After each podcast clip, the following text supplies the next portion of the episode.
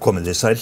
Mývasveitin er einn fjölfarnasti ferðamannastaður landsins utan söðu vestur hortsins.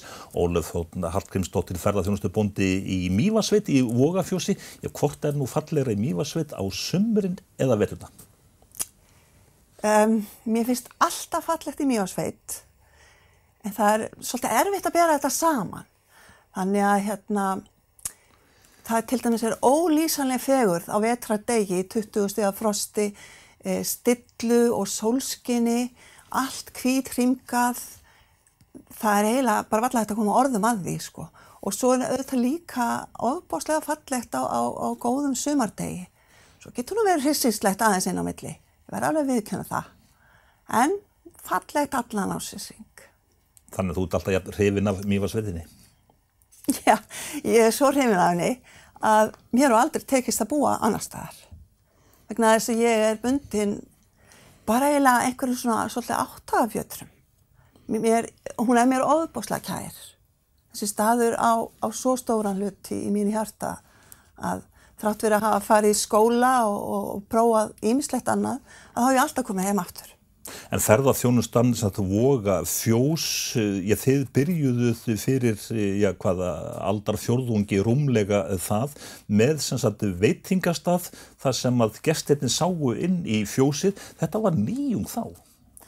Já, við byrjuðum sko, við 18-20 ára ammæli vogafjós í sumar, síðastlið sumar, heldum upp á það með pompaprætt.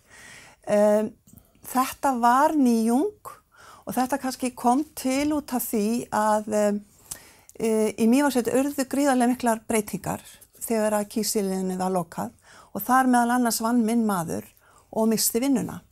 Þannig að við urðum kannski svolítið bara huglega, getur við gert eitthvað sjálf, eh, sumir fóru burtu og fluttu burtu og aðrir fundu sér vinnu að, og komu heim í fríum. Þetta var eitthvað sem heitlaði okkur kannski ekki mjög mikið þannig að, að við fórum út í það að opna bílið fyrir gestum og gangandi og, og, hérna, og byggja upp og gera eitthvað sjálf. Fannst það bara virkilega spennandi og við vissum auðvitað að við höfðum fullt af gestum og, og ferðamönnum í mjögsveit og töldum að við áttum ekki mikla peninga til markasetningar eða, eða hreinlega að við gerðum ekki eins og tíðkast nú til dags að gera fjárhásáallanir og alla þessa fínu áallanir. Við stökkum bara reynlega út í djúplögina og þetta var alveg erfitt fyrstu árin hjá okkur. Um, en svona á þriðja, fjóruða ári þá einhvern veginn sprakka þetta í höndunum á okkur. Það var vinsalt að koma í fjós og, og njóta þar heimagerður af veitinga, horfa á kýrnar í gegnum glugga og jafnvel að fá að koma inn í fjós og skoða kýrnar sko að klappa kálfum, fólk sem hefur aldrei nokkuð tíma að séð lifandi dýr, augliti til auglitis. Þannig að já, þetta átti sér aðdraðand allt saman. En þegar þið voru að kynna þetta já, fyrir já, landanum eh, til dæmis, eh, þessar hugmyndir um að vera með veitingastað og sjáinn í fjósið, var þetta ekki bara svona hálf galið? Jú, það má eiginlega alveg segja það og það voru auðvitað margi sem að sögðu við okkur sko þið eru bara klikkuð. Hver, hver, hver heldur þú að, að vilji komin í fjós og, og horfa á kýr og það sem allt er í drullu og skít og, og borða mat? En við höfum auðvitað lagt okkur gríðarlega fram um það að hreinlætis er, það er mjög mikið hreinlæti hjá okkur. Mm. og, og reynum að, að reynum bara að standa okkur vel. Við erum bæði erum að, að bera fram mat í veitingastæðinum og við erum að framlega mat í fjósinu og hvoru tvekja krefst mikils hreinlætis. En þeir eru ennþá með mjölkandi kýr? Já, já, já. Fólk getur komið og, og hort á þær mjölkaðar þegar það er að borða morgumattinn eða, eða að fá sér kvöldverð. Þannig að, já, já, við erum Ég segi nú stundum sko að, að ég sé dæmt til þess að vera kúabónda eilifu. En það eru vissulega ekki mjög margar. Það eru, við erum með 16 mjölkurkýr og það eru nú svolítið dekraðar. það verður alveg að segjast eins og er. En eh, ég, hvernig var þetta svona í upphafi bara sagt, að, að leifa gestum að fá spennvolga mjölk, mátti það?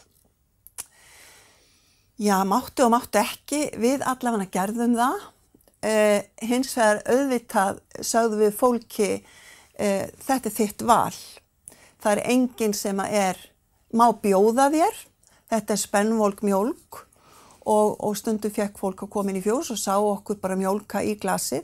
Sumir vildu smakka og aðrir ekki og það er bara val hvers og eins. En eitt leiðir af öðru vantarlega í þessum bransa eins og öllu öðru en þeir sem sagt fari strax þessa leið að leggja áherslu á ja, matvæli beint frá bíli. Já, strax þegar við sko upphaflega ætluðum við ekki að vera með svona veitingastað. Við ætluðum upphaflega að vera, sko hugmyndin var að vera með bara svona léttar veitingar, kaffi og, og, og mjólk og, og kleinur og eitthvað svona íslenskt og þjóðlegt. Flatbröð með hangjöti? Já, flatbröð með hangjöti. En svo hugmynd, við ætluðum að, að, að auka tekjur okkar vegna þess að við, þegar við stöndum fram fyrir því að byggja þetta fjós, þá hérna gáttu við ekki byggt svona, ég segi, ég gata ekki orðið almenlega kúabóndi með róbót og 60 kýr. Því landrými mitt er ekki það stórt, það rúmar ekki það, það mikið, margar kýr og gripi. Þannig að, að við örðum þess vegna að finna eitthvað sko nýtt og eitthvað, eitthvað til að, að bæta við þetta nýja fjós sem við vorum að byggja. Þannig að, já, Hvað með hangikjöti til dæmis, reykið það sjálf? Já, við reykjum það. Við reykjum það sjálf. Við erum með sagt, um 50-60 nautgrippi í allt og svo erum við með 120 kindur líka. Ég, við erum alveg upp á blönduð búi og, og kannski má segja þessi íhaldsemi, ég veit það ekki, en við höfum allavega ekki viljað breyta því og við nýtum allar okkar afurðir á veitingarstaðarum hvort sem um er að ræða nautgripakjött eða, eða lampakjött og nýtum það allt og við kaupum líka af nágrannabændum okkar e, þegar okkur vant að viðbott og erum í góðu samstarfi fleiri bændur í sveitinni um til dæmis að reykja sílung fyrir okkur og eh, sem ég tel afskaplega af hennu góða. Þá erum við að styrkja samfélagið og, og hjálpast að og mér finnst það svo frábært til þess í rauninni gerðu við þetta og við, við fórum auðvitað fyrst og fremst í að byggja þetta fjós vegna þess að við ætlum að skapa börnum okkar atfinnu þegar þau væru úlingar og svona þegar þau kemur heim í skólafrýjum og svona. En það er kannski bara svolítið gaman frá því að segja að frá því að það var engin fastur starfsmæður á búinu því við unnum öll utan búsins hlutastörf þá eru við með yfir sumarið um 40 starfsmenn í dag. Þannig að, og, og mitt markmiðið er svolítið að geta veitt atfinnu allan á sér ring á okkar svæði sem að þar sem auðvitað ferðarþjóðstöðun er gríðarlega ástíðaböndin. Gríðarlega ástíðaböndin. En þá er hún það sko 2020. En þið hafið byggt ón á reksturinn og sagt, það er komið núna sagt, hjá ykkur uh, gisting. Já, við hérna uh, við byggjum gistihús og við erum í dag með 26 herbyggi þau eru öll með baði svona lögðum upp úr því, lögðum svolítið metnað í það að reyna að hafa svolítið svona fallegt og, og hérna en við erum líka með 26 herbyggi fyrir stafsmenn þannig að við erum það, það vegna þess að við þurfum að fá stafsfólk að. Við erum ekki það mörg í mjósveit og, og mikið umleikis á sumrin og næga en, en þegar þið voru að, að byggja þetta upp sagt, og, og leggið þessa ríku áherslu á að vera með matúri hér að þið bara að, að uppfylla allar reglugerðir eldhúsi, það þarf að vera vottað vendarlega sem að kostar heil mikið. Eldhúsið þarf náttúrulega bara að vera þetta þarf bara að fullkomi veitinga eldhús. Það var aldrei neins spurning um að, að bara að bara sko ef maður fer í eitthvað svona þá bara gerur það af vel og af metnaði. Og þetta bara verður að vera allt í lægi og, og það kannski tekur svolítið tíma og þetta er búið að taka okkur alveg tíma. Og við höfum svolítið verið að hlæja að því að við höfum verið að byggja við á tíu ára fresti. Og til dæmis sko þarna 2009 þá stækkuðu við matsalinn hjá okkur. Það var bara reynlega vegna þess að hann var svolítið bara sprungin. Þetta var bara svolítið sprungi út hjá höndunum á okkur og við erum auðvitað greiðarlega þakklátt fyrir það. Það er dásamlegt að þeirra vel gengur. Það er frábært og en kostar þetta mikla vinnu. En það var aldrei spurning í okkar huga um að við vildum koma á framfæri við gersti okkar svona heimagerða mat, svæðispundin matur var líka ofalega í huga okkar og þegar að, að börni mín, ég án og fjögur sko, þegar ég sagði þeim að það er þið kvorki hambúrgarar, pitsur eða franskar. Þeim fannst nú lélegt að ætla að fara að vera með veitingastaf og hafa ekki franska kartaflur og ekki pitsur. En, en við tókum þessu ákvörðin og ég sé ekki eftir því. En hvernig markas setiði eh, ykkar veitingastað útlendingar eru vantarlega í miklum meiri hluta. Eh, er það að gera út á þá þetta í markasetningunni að þarna sé svona lokal fút? Já, við gerum það. Vi, við gerum það algjörlega. Við, við, við markasetjum okkur náttúrulega eh, meira og minna á netinu Við höfum líka verið mjög heppin, vil ég segja vegna þess að um, sjónvarstöðvar til dæmis uh, frá Asíu hafa komið og verið að taka upp þætti um fjósið og Guðum á veita hvar þeir hafa fundið það.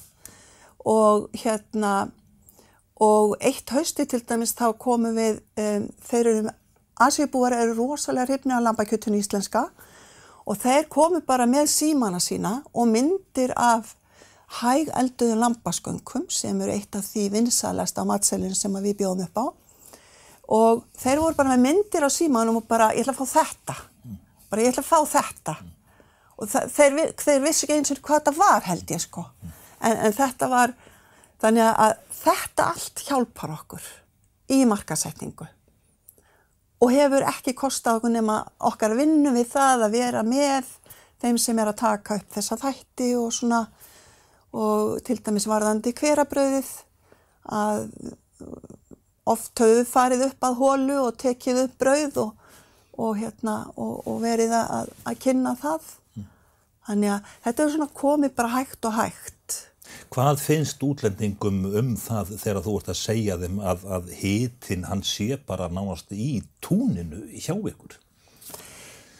Þeim finnst þetta algjörlega mjög merkilegt og, og þeim finnst alltaf, ja, við, við reynum að kynna það sem er á matselinum og við, við segjum fólki að þetta sé, við köllum þetta geysirbrett og svo köllum við svolítið sko bakarið eða hóluna, þar sem við bökum, þar sem er 100 gráðu hitti, e, það kallum við underground bakery mm. og þá vitum við kannski ekki alveg hvað hugmyndir þeir fá þegar við tölum um, um, um neðanjarða bakari mm. og svo útskýrum við þetta nú svolítið og, og vissulega finnst þeim til dæmis þegar við erum að segja hvernig við reykjum kjötið, við taðreykjum kjötið, við notum sögðartað og kúatað. Uh, við, við reynum að segja ekkert mikið um það fyrir þau eru búinir að borða mm. en, en, en þeir dásama þetta brað þannig að, að þeir koma manni sko það sem okkur finnst kannski bara hverstagslegt það finnst þeim mjög merkilegt og ég man til dæmis eftir e, frönskum gesti sem kom bara marga dagir rauð og það eina sem hann fekk var kanna af mjölk og hann horfiði alltaf á okkur mjölka ég var svona fann að spekulera í því hvort hann væri nú ekki alveg bara allt í lægi með mannin. Þannig kemur hann til mín síðast að daginn og segir þetta er frábært, ég bý í miðborg Parísar, ég var reynlega búin að gleima því hvað mjólkinn kemur. Þetta var eitthvað sem að mér fannst auðvitað bara pínlið til skrítið sko, sem er alltaf að mjólka kýru alltaf í kringu þar og fannst þetta bara eðlilegast í hlutur. En þá erum við, við erum kannski komið svolítið langt frá græsrótinni sko hvaða hlutinni koma og svona. Við erum ekkert að spekulera í því, sérstaklega þeir sem að búa í stórborgum. útlendingar sem að koma til ykkar og gista og borða. Hversu vel eru þeir búin að, undirbúa sagt, Íslands heimsótina? Það er náttúrulega ofboslega misjamt. En og margir eru búinir að skipulegja algjörlega frá A til Ö hvað þeir ætla að gera, hvert þeir ætla að fara, hvað ætla að skoða og allt. En við fáum þetta alltaf gesti inn í gestamóttökuna til okkar og þeir segja bara hvað ég að gera, með hverju mæliru. Mm. Og þá auðvitað, eh, okkur finnst mjög mikilvægt að ég er með starfsmenn í gestamóttökunni hjá mér sem að eru staðkunnugir og reyni að, að uppfræða fólk. Og þeir geta gefið fólki hérna, upplýsingar um hvað er gaman að skoða. Og við segjum reyndar alltaf það er alltaf stutt að koma í mývarsöld og gista bara eina nótt. Þannig að það er svo margt. Uh, við erum bara svo heppin að hafa uh, sko svo, svo fjölbreytta náttúru þannig að þú þart lengri tíma heldur en bara einhver dagpart eða, eða já, til þess að skoða þetta allt En enga síður, Ólöf, ég skipulegðu nú fyrir mig einn dag í Mývarsveit. Já, þá myndi ég sko, ef við byrjum í Váfjósið, þá myndi ég segja fariði og, og, og gangið upp á hver fjall. Segjum þetta að sé fallegu sumadagur og þá myndi ég heiklust mæla með því, taktu ring, þegar þú komin upp á hver fjall, taktu þá ringin. Því þaðan færiðu sko útsinni til allra átta sem er bara algjörlega ógleimalegt, algjörlega, sama hvaðan er, myndi ég segja. Uh, þaðan myndi ég ganga í Dimmuborgir og ekki væri nú betra, ekki væri nú sko verra að það væri kannski svona uh, um kaffileiti, þá er svona mesti fjöldin farin þaðan og þá er bara dásamlegt að ganga í Dimmuborgum og taka það ring, þú getur bara valið, lítinn eða stóra. Nú svo getur við farið sér í höfða og hérna og gengið þar. Og þar ferur náttúrulega nálat vatninu og fyrir þá sem hafa gaman að því að horfa á fuggla það er, er hérna eh, alveg kjörin paradís til þess. Uh, síðan myndi ég halda áfram og hérna uh, ég held að ég myndi alltaf stoppa í fugglasafninu það finnst mér dæmi um, um svo fallega eh, hönnun og uppsetningu og allt sem að gert hefur verið staðsetningin á safninu er náttúrulega stórkostleg á vassbakkanum og þú getur bara setið og hort á fugglana og þú svo ferðu inn á safnið og það er mjög skemmtilega uppsett. Þannig ég segi við fólk sko, bæði fyrir börn og fullorna, ekki missa þetta af þessu sko, farðu í, í fugglarsafnið. Eh, svo myndi ég fara náttúrulega á hverasvæðin. Ég held að ég myndi, sko þetta fenn náttúrulega bara eftir því hvað þú hefur langar tíma sko. Svo er alveg fullt af ganguleiðum. Og ef þú hefur fleiri dag þá segir ég bara staldraðu við og, og farðu ganguleiður. Gáttu til dæmis og kröplu og niður í reykjarlið. Það er ofbáslega fallið leið, alveg ofbáslega fallið leið. Nú Ef ég ætlaði mér að fara í ferð, þá segi ég bara farði í lofthelli. Það er íshellir. Er, það verður engil samur sem fyrir þángað. Það er, það er bara ekki hægt að lýsa því. Þetta er einhvern veginn svo, e, það er ferðarþjónustu fyrirtæki sem að fer og lætur þið hafa allan búnað og þetta þú þarf svona að fara í, í, niður svolítið og, og, og í, í gegnum. Og þá ertu bara komin í töfra veröld þar sem eru ís e, e, skulptúrar og, og heis svona eins og sátur og, klakar og þarna sko þetta er bara og það er það, þú þú ert látið að setjast niður loka augunum og þú heyri bara sko ekkert nema dróparljóð og þetta er bara þessi staður og ég gæti auðvitað myndi ég svo fara að kvöldinu í Jarböðin og slaka þar á. Þú er nú komið með mig þarna sko í tveggjadaga heimsóknist. Ég, ég get alveg skiplagt margra dagaferð, þannig að það væri ekkit vandamál. Sérstaklega að fólk vildi fara og ganga og, og, og njóta enn meira. Þá, hérna, þá var alveg fullt af stöðum. Þú ert greinilega í þessu öllu saman af ástríðu, þetta er ekki bara business jáður.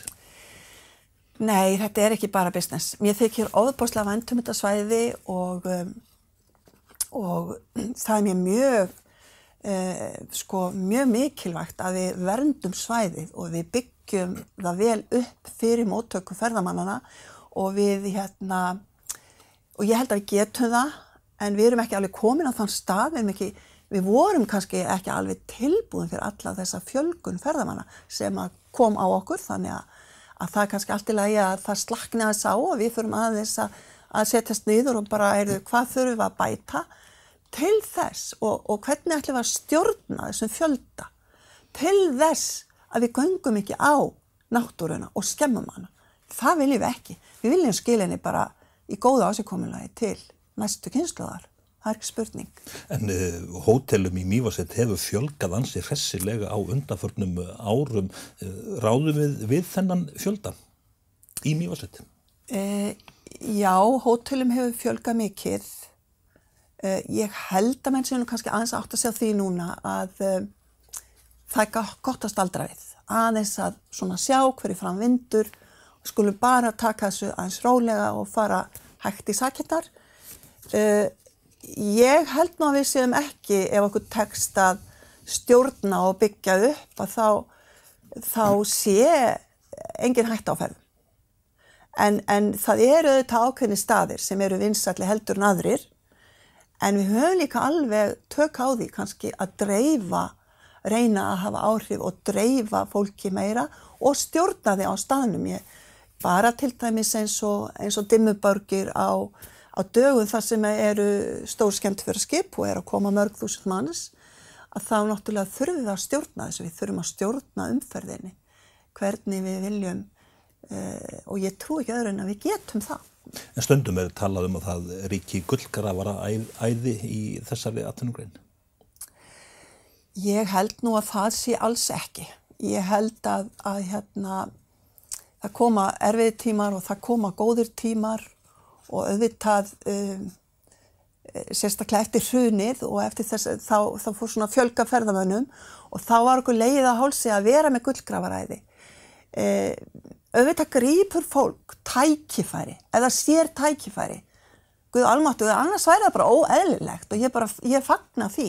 Sumt gengur vel, annað ekki. Ég held bara að þeir sem fara í ferðarþjónstu með eitthvað einhverja, einhver dollarmerki í augunum eða gullgrafaræði þeir endast ekki þar. Þeir hætta. Ég held það bara. Vegna þess að þetta er þú þarfst að fylgja þessu eftir, það er mikil vinna og þú ætlar að gera þetta vel, ef þið er alveg sama og þú ætlar ekki að gera þetta vel, það spist fljótt út og fólk er ekki að koma þanga og sækja það. Þannig ég held að, ég held að þetta sé nú bara, það er eins og í öllum öðrum atvinnugreinum. Þá eru þetta fólk sem er að gera mjög góða hluti og, og, og, og sumir sem eru eitthvað aðeins síðri og það, við lostum aldrei við það. Það eru mikla breytingar sem að eiga sér stað núna í þverða þjónustunni Asíubúum, þeim fjölgar núna. Eh, er mikill munur semst, á Asíubúanum og svo þjóðverjanum semst, hvað, hvað þið vilja? Já, það, það er tölverður munur á, því, á ferðamönunum eftir því hvaðan er koma. Eh, það er það. Eh, þjóðverjar, þjóðverjar eru reyndar miklu, miklu meira á sumrin heldur en á veturna. Asíubúarnir eru meira á veturna. Við erum ekki að sjá svo mikið asíubúum á, á sumrin sko. Og, eh, en bandaríkjumenn eru svona þeir sem eru eiginlega allan á sér sving og þeir eru oft frekar með þægilegi gestir og e, það eru auðvitað ákveðna þjóðir sem eru erfiðar en aðrar í þessu. Það er algjörlega þannig. En um, mér finnst sko Asjubúarnir, e, eh, þeir eru að koma og það eru þetta mjög jákvæmt, þeir eru að koma á vetuna. Þeir eru að koma núna í janúar, februar, mars og, og þeir eru svona kannski líka, sko norðurljósin eru þeim gríðarlega ofalegi huga. Mm. Og það er kannski 30 manns að borða inn í sal og, og, og maður kemur inn og segir, herru það eru norðurljós núna, það hlaupa allir út frá diskonum og bara til að sjá norðurljósin. Þeir eru komnir hinga til þess að sjá, sjá norðurljósin. En trú allir á jólasveinana í Dimborgum? Já, það held ég. En það eiga er heima þar og eru náttúrulega alveg frábærir og hérna og eru náttúrulega svona missýnilegir en já, ég held það. Mér finnst þeir frábærir, algjörlega og, og hef farið með gesti þangað og, og það ber öllum saman um það. Þeir eru voðaskemmtlegir. Svona hefðbundin dagur hjá þér í Voga fjósi? Já, það er nú svolítið sænt hvort ég fer í fjós að mjólka sko, eða ekki. Uh, ég er nú náttúrulega farin að gera það aðeins minna. Sónu minn er komin inn í búskapin með okkur. En ég þetta að leysi hann af og svo erum við líka með starfsmann. Þannig að ef ég fer í fjós þá er ég að fara á fætu bara rétt fyrir sjö og ég hef búin að mjólka svona kannski klukkan hálf nýju nýju og, og, og svo sest ég við skrifborðið og, og er í alls konar einhverjum útrettingum og um, stundum erum við að taka móti hópum og segja þeim frá hvað við höfum verið að gera eða fara með það og taka upp brauð eða það fellur alltaf eitthvað til og núna eru við í heilmiklum framkvæmdum. Við byggðum við á síðast ári og tókum í nótkunn viðbyggingu við, við Vóafjós sem var ný gestamóttaka og, og svona set svæði þannig að fólk getur bara sest í sófa og, og látið fara vel um sig. Þetta var svona rauninni hugsað til þess að bæta bæði aðstöðu fyrir starfsfólkið okkar og líka gestina. Og það er bara að mínu áliti þá, þá hefur það mjög mikið tekist við sáum alveg, alveg uh, hvað þetta kom í goða þarfir síðastlið sumar. En svo ákvaðum við að loka núna 15. november og opnum aftur núna 1. februar og eru búin að vera að gera upp matsalni hjá okkur. Og hérna það er nú handtak. Þannig að vonandi verður þetta allt orðið klárt fyrsta, fyrsta februar. Ólef Þorn Harkvinsdóttir, ferðarþjónustu bóndin í Vogafjósi í Mývarsveit. Þakka þér fyrir spjallið. Takk fyrir sömulegis.